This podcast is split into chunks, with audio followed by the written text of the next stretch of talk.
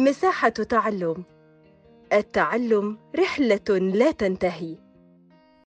ولسه بنكمل معاكم أسئلة بما تفسر لمنهج الدراسات للصف الخامس الابتدائي والسؤال الجاي معانا بيقول لنا بما تفسر البحر المتوسط أكثر بحار العالم تلوثا.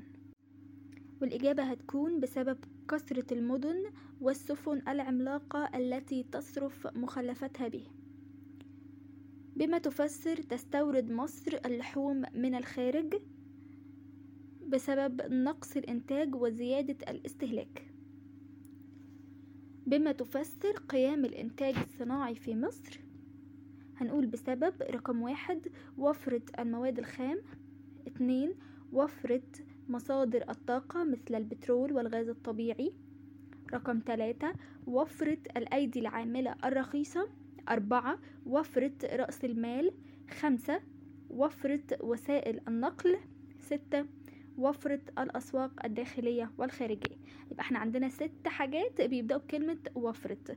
واحد المواد الخام. اتنين مصادر الطاقة الأيدي العاملة رأس المال وسائل النقل والأسواق. ممكن نبتدي إن إحنا نربطهم ببعض علشان ما ننساش حاجة فيهم. فمثلا أول حاجة المواد الخام دي اللي إحنا هنصنع منها أصلا مصادر الطاقة دي اللي إحنا هن... عن طريقها هنبتدي نصنع والأيدي العاملة دي اللي هتصنع رأس المال طبعا الفلوس اللي محتاجينها ووسائل النقل عشان أنقل بقى الحاجة بتاعتي لمكان الأسواق ودي آخر حاجة معانا. يبقى إحنا كده حفظنا كل حاجة ليها علاقة بإجابة السؤال ده.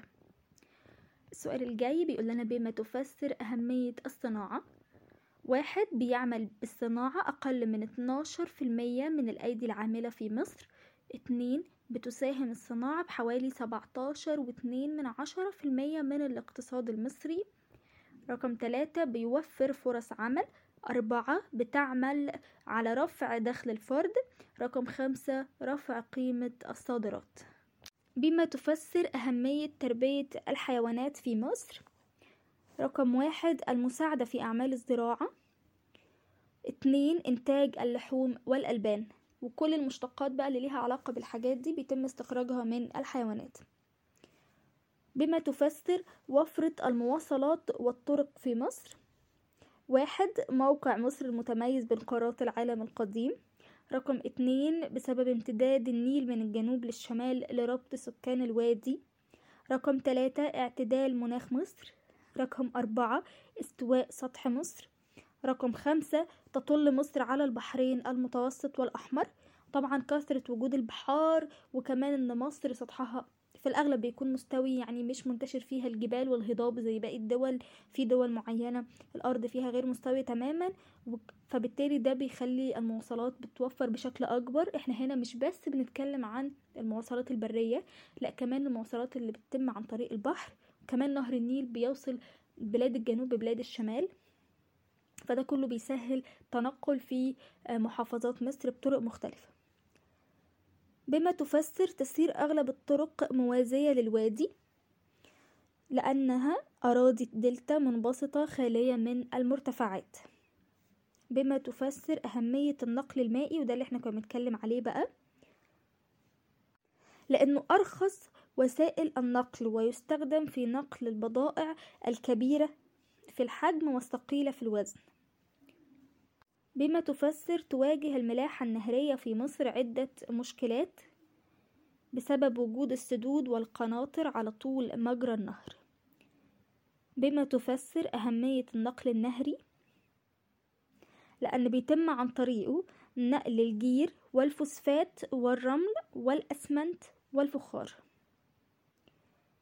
بما تفسر أهمية ميناء الأسكندرية؟ لأنه يقع أمام مواجهة أكثر الدول تقدما في أوروبا. فبالتالي هو مهم جدا جدا. بما تفسر أهمية ميناء دمياط لتخفيف الضغط على ميناء الإسكندرية عشان ما يبقاش كل الشاحنات بتمشي من نفس الطريق فيحصل تعطلات وضغط كبير على ميناء الإسكندرية فميناء دمياط بيخف الضغط ده عن ميناء الإسكندرية. بما تفسر تقل أهمية المواني على ساحل البحر الأحمر بسبب وجود الشعب المرجانية واقتراب الجبال من الساحل فبالتالي الميناء أصلا ضيقة جدا مش هينفع يكون فيها ميناء. بما تفسر للنقل الجوي مميزات. مميزات النقل الجوي لو إحنا فكرنا عادي كده يعني السفر بالطيارة معروف إن هو طبعا سرعة كبيرة جدا فبيوفر لنا وقت فمميزاته السرعة والانتشار وتخطي المرتفعات لأنه هو بقى هنا مش بيمشي في طريق فيه زحمة ولا أي حاجة هو بيكون في الجو.